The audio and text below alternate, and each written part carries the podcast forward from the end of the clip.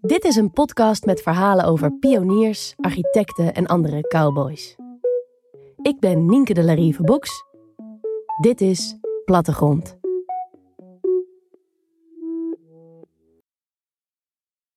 Als ik een tour door Nederland zou maken en mezelf de opdracht zou geven alle gebouwen die ik tegenkom in te delen in mooi of niet mooi, dan kom ik uit op een teleurstellende verdeling van ongeveer 15% mooi en de overige 85% niet mooi of gewoon lelijk. En ik moet dan constateren dat de eerste categorie bestaat uit veelal bouw van voor 1940 en de rest uit alles wat na die tijd gebouwd is. Een oud grachtenpand in Leiden vind ik nou eenmaal leuker om naar te kijken dan, noem eens wat, het gemeentehuis in Veghel. Maar tegelijkertijd ben ik voor vooruitgang en hou ik van nieuwe en uitdagende architectuur. Het laatste dat ik zou willen is dat Nederland een soort Anton Piekerig openluchtmuseum wordt, dat alleen maar uitstraalt dat vroeger alles mooier was. Want dat is niet zo. Het Filmmuseum AI in Amsterdam of het nieuwe treinstation van Rotterdam en tal van andere nieuwe gebouwen bewijzen dat. Maar de weerzin tegen het nieuwe is actueel. Politici, presidenten en dictators spreken zich er steeds vaker over uit. En het lijkt wel alsof machthebbers steeds vaker ten strijde trekken tegen het modernisme. Waar komt toch die weerzin van het nieuwe vandaan? Luister naar het verhaal Neofobie van Prosper de Roos.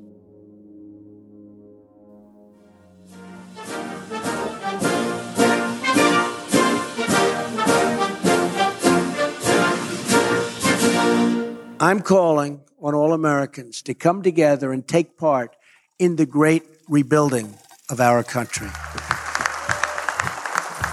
December 2020.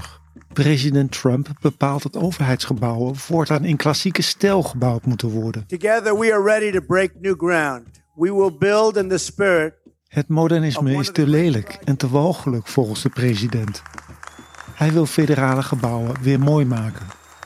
And may God bless the United States of America. Thank you very much. Trump staat niet alleen. Wereldwijd ligt het modernisme onder vuur. Zoals in Duitsland door het AFD. En in Engeland, onder andere door Prins Charles en door de pas overleden invloedrijke filosoof Roger Scruton. People now build without any consideration for what how the the building fits into its environment, what it does to the street, how it looks. Ook Nederland kent zijn critici. In de modernistische architectuur, dat is gewoon een daad van agressie tegen de gemeenschap. Zoals door Thierry Baudet. Er wordt weer zo'n flatgebouw, weet je, ongelooflijk lelijk, zo'n modern gebouw. U hoort hier de voorman van Forum voor Democratie in gesprek met Paul Cliteur. En nou zeg je, heb je het over modernisme, uh, multiculturalisme, postmodernisme. Mag ik dat ook zeggen? Dit, dat zijn, zijn dat niet allemaal, als we het nou met een paar etiketten willen, willen voorzien. De, de, de plaag of de ziekte of de, of de, of de decadentie waar we mee komen. Is er iets aan de hand met het modernisme? Waarom is er kritiek? Ik spreek met twee architecten over het modernisme. Ik ben Reinier de Graaf. Reinier is partner bij OMA. Uh, het Office for Metropolitan Architecture in Rotterdam. Het bureau waar ook Rem Koolhaas aan verbonden is. Reinier is verantwoordelijk voor bouw- en masterplanningprojecten in Europa, Rusland en het Midden-Oosten. Hij werkt veel met glas, staal, licht en open ruimtes. Reinier maakt musea, woontorens en kantoorcomplexen. De andere architect die ik spreek is Hans. Ik ben Hans van der Heijden. Hans heeft een andere stijl dan Reinier. Hij bouwt in een traditionele stijl, werkt veel met metselwerk en richt zich voornamelijk op woningbouw. Met Hans en Reinier verken ik de kritiek op het modernisme. Maar eerst Maarten. Mr. Van Rossum? Uh, I think that modernism as, a, as an intellectual movement. U hoort hier Maarten van Rossum bij een discussie over het modernisme. Uh, I think that modernism has been a, a, a terrible thing for all art, not, not only architecture, but also painting and music. Maarten van Rossum heeft niks met het modernisme. Because modernism in its, in its uh, let's say, avant-garde fallacy, that's the idea that, that you have to think up something new. Uh, something, as soon as something is established, you have to think up something new. Volgens Van Rossum is de voortdurende vernieuwingsdrang nergens voor nodig. That that creates an idea of oh I, I don't feel I don't feel really good or in harmony with the world. It's it's it's it has to make you feel uh, inharmonious in a way. So it created pain. Het breken met tradities zorgt voor te veel onrust. Reinier de Graaf over deze afkeer van het nieuwe. Architectuur wordt in toenemende mate gezien als een risico. Niet als iets wat, uh, bedoel, niet als iets wat iets moois of iets goeds kan brengen, wordt in toenemende mate gezien als een risico. Hoe merk je dat? Als je kijkt uh, naar veel plekken, als je een nieuw gebouw voorstelt, dan is een nieuw gebouw vaak een goed gebouw. Als je het vanuit heel veel gezichtspunten niet ziet. In Engeland heb je iets, dat zijn verified views. Dat zijn standpunten.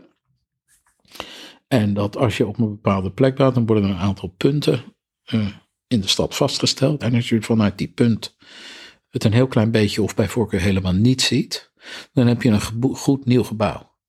En hoe minder je dan ziet, hoe groter je kans op uh, goedkeuring. En die zijn er vaak ook manifest op gericht om te zien van hoeveel, hoe groot de belasting, de visuele belasting, want in die termen wordt er over gepraat van het nieuwe is, ten opzichte van een, een bestaand stadsgezicht.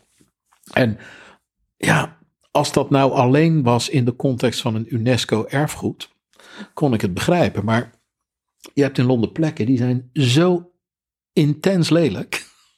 Uh, en het is zo'n intens ratje toe dat je je afvraagt wie heeft dit als totaal ooit gewild. En waarschijnlijk niemand. En ook die worden behandeld alsof ze de authenticiteit van Venetië uh, hebben. En ook die worden tegemoet getreden met een, met een, met een algemene mentaliteit van. Uh, alsjeblieft, zo minder mogelijk verstoring. En dat is dan vaak verstoring van een stadsbeeld. Wat op zichzelf het somtotaal van alle denkbare verstoringen is. Dat is werkelijk bizar. Deze afkeer of angst voor het nieuwe hangt samen met het imago van veel architecten. Het stereotype beeld is dat ze hun eigen weg gaan als een kunstenaar. Dit beeld is bijvoorbeeld hoorbaar bij Mies van der Rooyen, de beroemde modernistische architect, onder andere van het befaamde Fansworth House uit 1951, een vakantiehuis in Illinois. Het is een vloer en een dak, uh, met daartussen uh, vier muren van glas, wat eigenlijk dus geen muren zijn. Het heeft een, een, een. En uh, de architect zat dus met een dikke sigaar in de tuin. De, travertin werd aangelegd. Hij keurde persoonlijk iedere tegel. En voor iedere tegel die hij goedkeurde, keurde die er geloof ik tien af. Tijdens het maken van het gebouw ontstond ruzie tussen de architect en de opdrachtgever. Er waren dermate veel technische mankementen.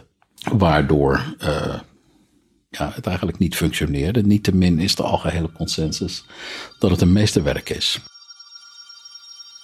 Je ziet het, je kijkt ernaar en je zegt ja. Ja. Dat huis dat lijkt een, een, een soort wit, uh, uit de ruimte neergedaalde, zwevende compositie die daar in die natuur beland is. Ja, dat, dan begrijp je waarom je architect geworden was. En als je één keer iets doet uh, wat daarbij in de buurt komt, dan is het het allemaal waard geweest. Maar zo betoverend als het huis eruit ziet, zo onbewoonbaar is het. Wanneer de rivier buiten zijn oevers treedt, stroomt het huis stevast onder. De architect lijkt geen oog te hebben gehad voor praktische kanten. What's, I, I think the other thing that I, I remember. U hoort een fragment van de publieke omroep in Illinois over het modernistische meesterwerk. That, um, when she got the house, she she said something to him about, you, can't live in this house, and he. heroic architect that he was, has said, "Look, madam, I wasn't designing you a house to live in. I was designing a work of, you know, some, something like that." De opdrachtgever heeft er uiteindelijk nooit gewoond. Architect Mies van der Rooyen zag het meer als een kunstwerk. I, I guess that that um, that illustrates the popular image we have of a lot of architects that in fact they're not really designing buildings for us to live in they're designing works of art and whatever sort of inconvenience might come with living there we're just supposed to suck it up and just deal with it. I hate to say. De architect wordt vaak neergezet als iemand die doet wat hij wil. Maar het is de vraag of dit stereotype beeld klopt. Hans van der Heijden laat bewoners de vrije hand. Kijk, als je een, een woongebouw oplevert, als architect, dat is een heel primitief gevoel. Dat, is heel mooi, heel leuk.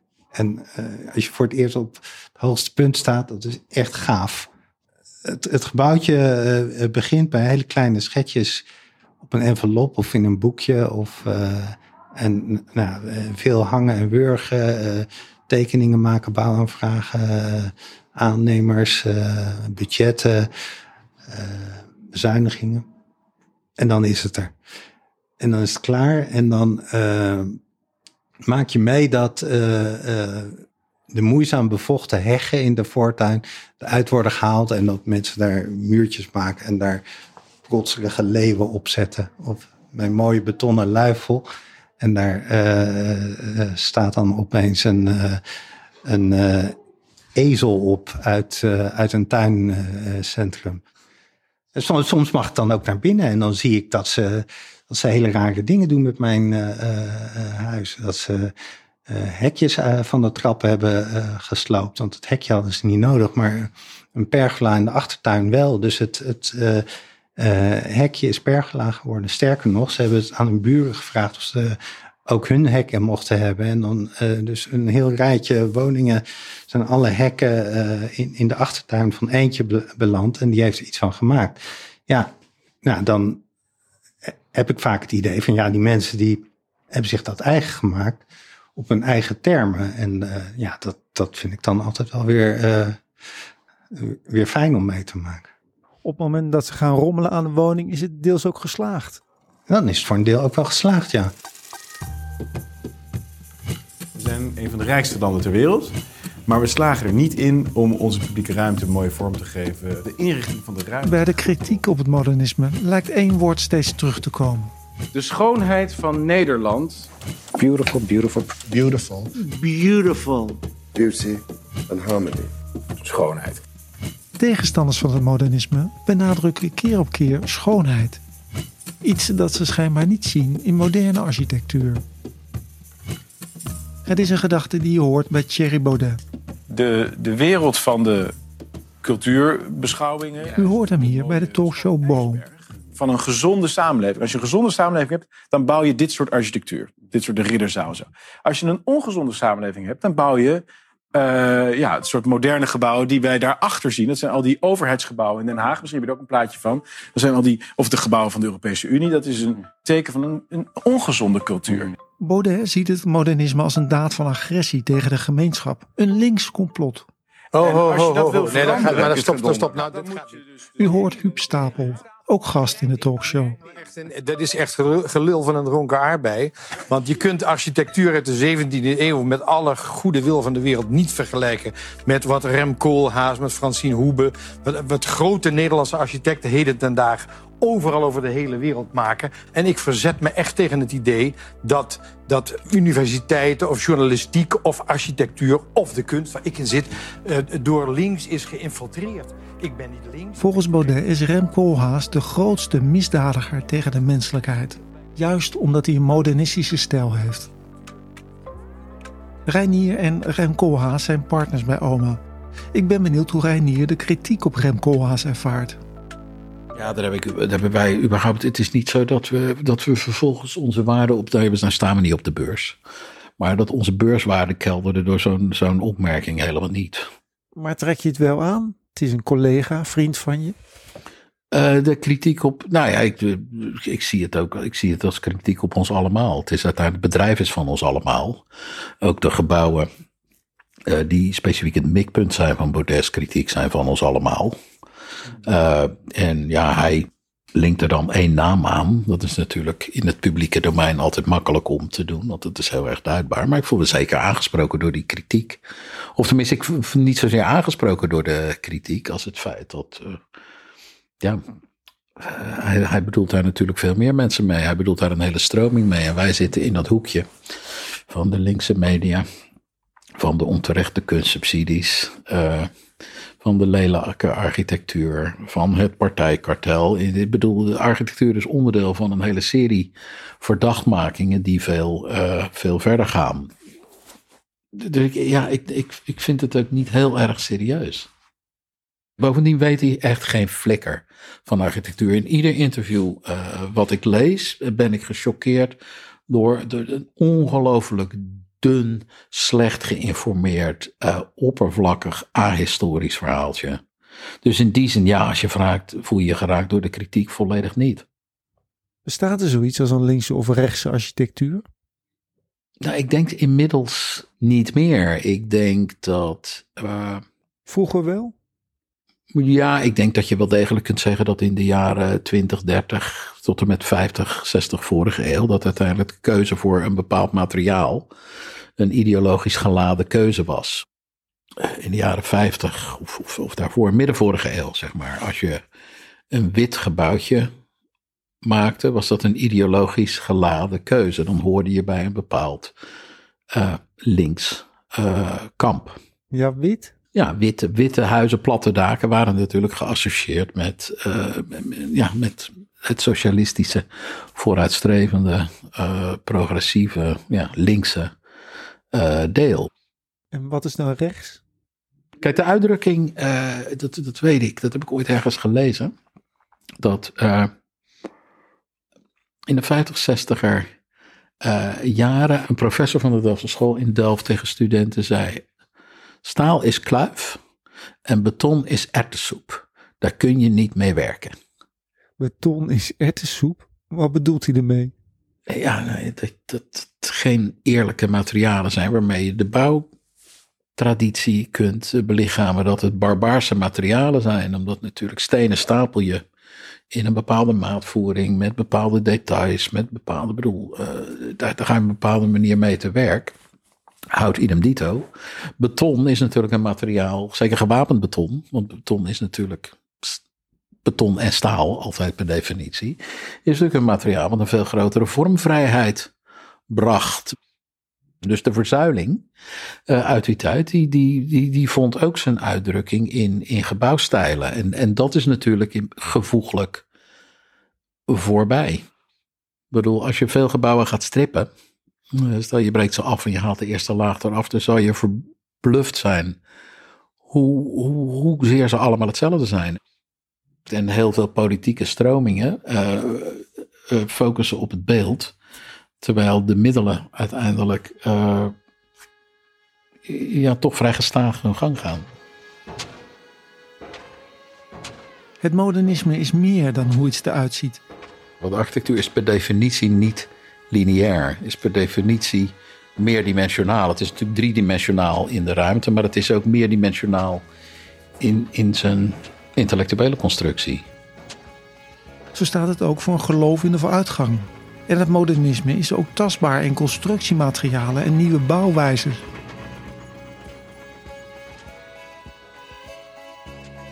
Prins Charles, die al decennia lang strijdt tegen lelijke kantoorhoogbouw in Londen, ziet de opkomst van een moderne architect als een breuklijn.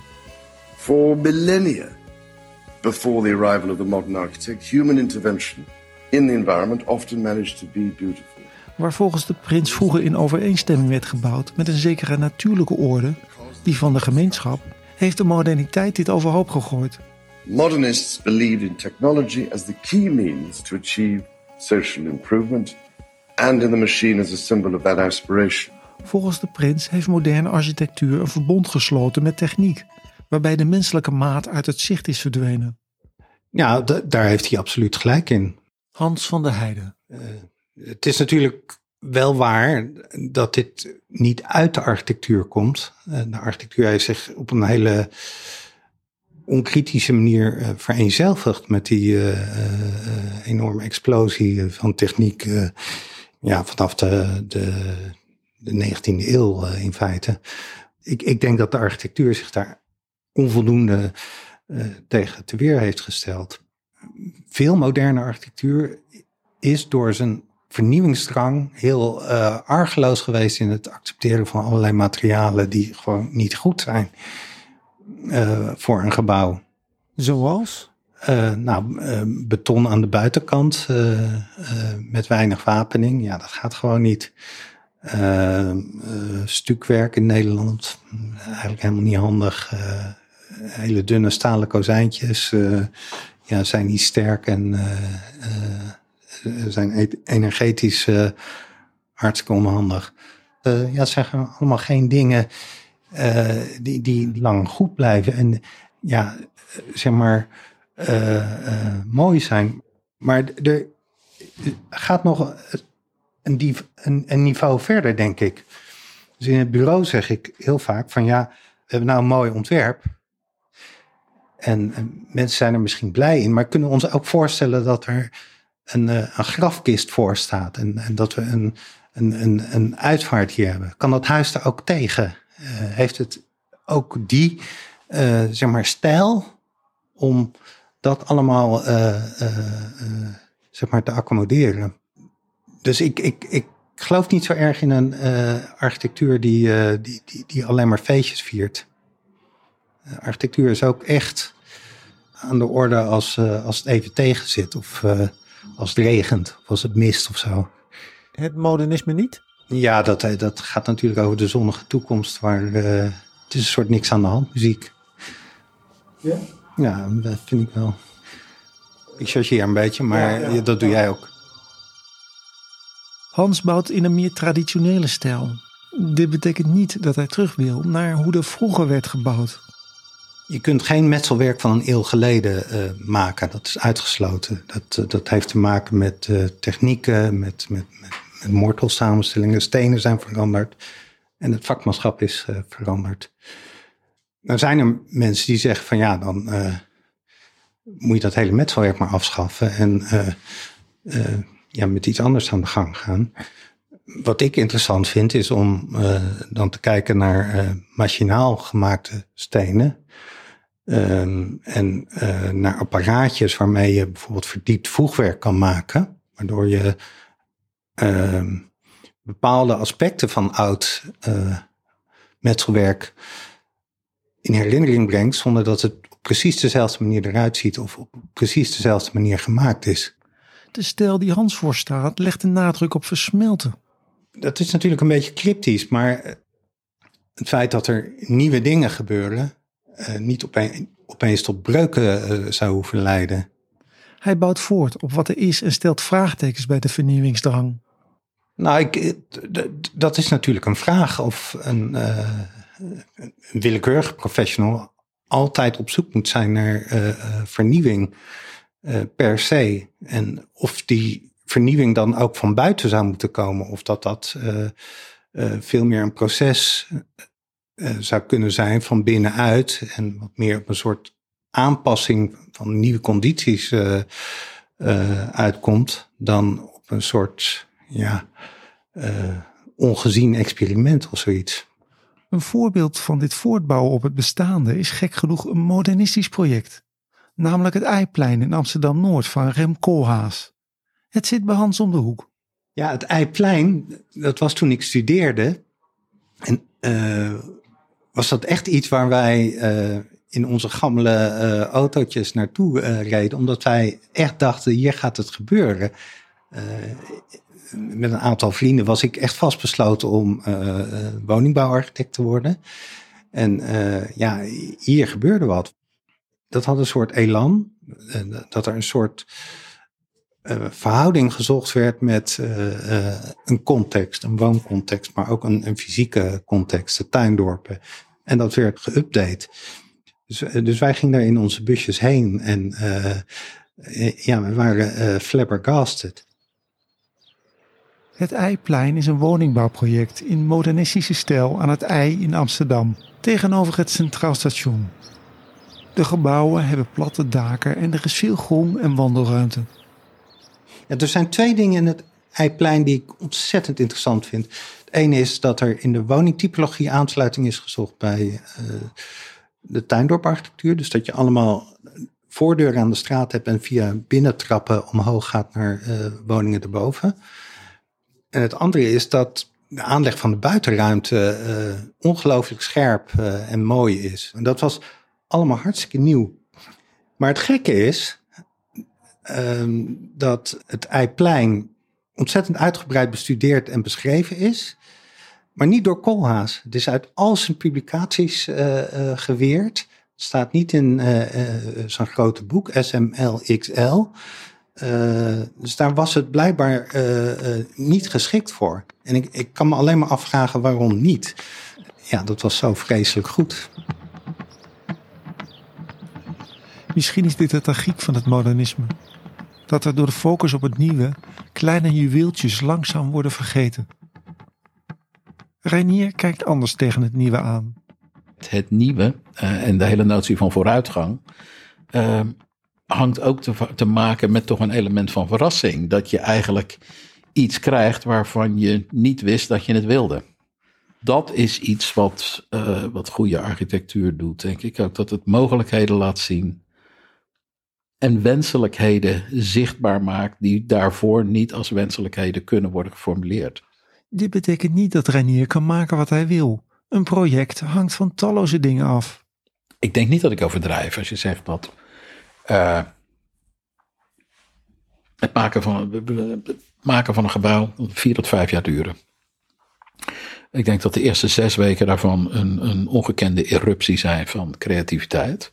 En uh, de, rest van de tijd een soort loopgravenoorlog om iets te behouden van hetgene wat er in die eerste zes weken aan ideeën is ontstaan. Dus ik denk dat, en dat is ja, maakte de architect, eh, denk ik, in de praktijk ook gedwongen om een soort kruising tussen een charlatan en een barbaar te zijn. Omdat het een hele defensieve activiteit wordt dan. Dat je je bijna moet ingraven ten opzichte van alle krachten uh, die op je afkomen, die allemaal een deelbelang vertegenwoordigen. Vaak, die, die proberen eigenlijk datgene wat, wat er is bedacht, uh, om te vormen tot een totale dienaar van hun deelbelang. En ik denk dat de arrogantie die vaak geassocieerd wordt met architecten is ook vaak een pose om, uh, om in dat krachtenveld überhaupt te kunnen opereren. Want iedereen wil uiteindelijk bouwen. En het zijn altijd anderen die je in staat stellen om iets te bouwen. Wat je en, ja, dat, dat, dat is gewoon waar. Dus het is altijd dat gevecht van in hoeverre je uh, in staat bent te behouden wat, uh, wat er bedacht is. Dit spanningsveld is normaal iets dat speelt tussen architecten, opdrachtgevers, aannemers, regelgeving en wat al niet meer. Maar daar is nu dus ook de politiek bij gekomen. De uil van Minerva spreidt zijn vleugels bij het vallen van de avond. We worden ondermijnd door onze universiteiten, door de mensen die onze kunstsubsidies ontvangen en die onze gebouwen ontwerpen. Reinier zet vraagtekens bij dat politici zoals Baudet of Trump zich hard maken voor een klassieke stijl ten koste van het modernisme. Uh, dat, dat, is natuurlijk het raar. Je hebt uh, extreem gefortuneerde, geprivilegeerde individuen die dan hoegenaamd de stem van het volk worden in het verzet tegen het nieuwe. Dat daar iets grondig niet, niet, niet klopt, is duidelijk. Wat klopt er niet? Nou, in, in die zin dat de architectuur die zij voorstaan en de stijl die zij voorstaan, uh, is natuurlijk nooit een stijl geweest die, die, die uiteindelijk het belang van de meerderheid uh, ter harte nam. Is, is de uitdrukking geweest van een historische ongelijkheid. Is de uitdrukking geweest van een maatschappij waarin de macht uh, werd beheerd door de happy few. En dat voelt raar. Kijk eens naar Trump Tower. Dat heeft helemaal niks met een klassicistische stijl uh, te maken. Dus het is ook puur een vorm van opportunisme. Van waar kan ik, wat kan ik dit eens gaan doen? Waarmee ik uiteindelijk de linkse elite in de wielerij, dat is het. En rellen. Al die linkse indoctrinatie in het onderwijs, al die lelijke architectuur en die machtsuitbreiding van de EU, al die klimaatketterij. Vanuit de architectuurwereld is er mondjesmaat op de kritiek van Baudet gereageerd. Hans is een van de weinige architecten die serieus op de kritiek ingaat. Ja, nou ja, als, als, als uh, uh, Baudet zegt van wat zijn we eigenlijk aan het doen in die woningbouw en waarom is dat zo godgruwelijk lelijk, uh, dan snap ik wel waar hij het over heeft. Daar, daar hoef je niet echt raketgeleerde voor te zijn. Dit betekent niet dat Hans het met Baudet eens is. nou, als Baudet zou zeggen dat je het uh, klassicisme moet omarmen om zijn grootheid te vieren, ja, dan lijkt me dat vrij pijnlijk. Maar als Baudet zou zeggen van we moeten op zoek gaan naar een architectuur die gewoon intrinsiek deelbaar is, die van ons allemaal is, waar we ons allemaal in kunnen herkennen, dan denk ik dat hij een heel valide punt heeft. Alleen die discussie wordt door uh, Boudet natuurlijk niet, niet zo precies uh, gevoerd. helaas. Ik zou eigenlijk heel graag willen dat er dat architectuur niet alleen in zijn soort fysieke hoedanigheid, maar ook in, in, in, in wat het moet doen, wat, wat het moet veroorzaken in de maatschappij, als die discussie opener gevoerd werd. Maar dit is geen discussie die onder architecten wordt gevoerd. Volgens Hans is Nederland te veel gericht op grote namen. Zoals bijvoorbeeld Rem Koolhaas, die Hans his Remnants noemt. Ja, ik, ik heb Koolhaas his Remnants genoemd omdat hij eigenlijk een beetje buiten categorie is in Nederland. En uh, uh, zeg maar zo bekend is en, en zoveel aandacht trekt dat het, elke discussie daaronder smoort. Um, dus mijn, mijn buitenlandse collega's vragen ook nog wel eens: is er nog architectuur mogelijk in, in, in, in Nederland in de schaduw van Rem? De eenzijdige focus op grote namen staat volgens Hans een brede discussie over architectuur in de weg. Iets dat hij wel zoekt of het dan ook gelijk mogelijk is om een uh, architectuur te bedenken die uh, zeg maar uh, geruisloos van ons allemaal zal worden en waar ook iedereen even vrolijk van wordt. Dat is natuurlijk in deze tijd van individualisme ligt ook weer te hoog gegrepen. Maar um, ik vind het als ik zal maar zeggen, wensdroom wel heel mooi.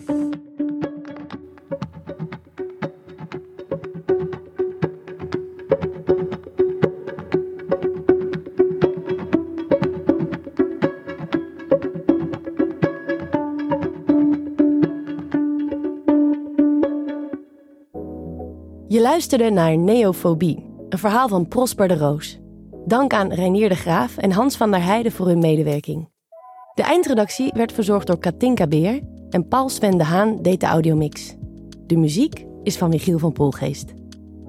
Plattegrond is een productie van Klank, mogelijk gemaakt dankzij een subsidie van het Stimuleringsfonds Creatieve Industrie. Meer informatie vind je op onze site plattegrondpodcast.nl. En heb je deze aflevering beluisterd via Apple Podcasts? Geef ons dan een review, want we horen ook graag van jou.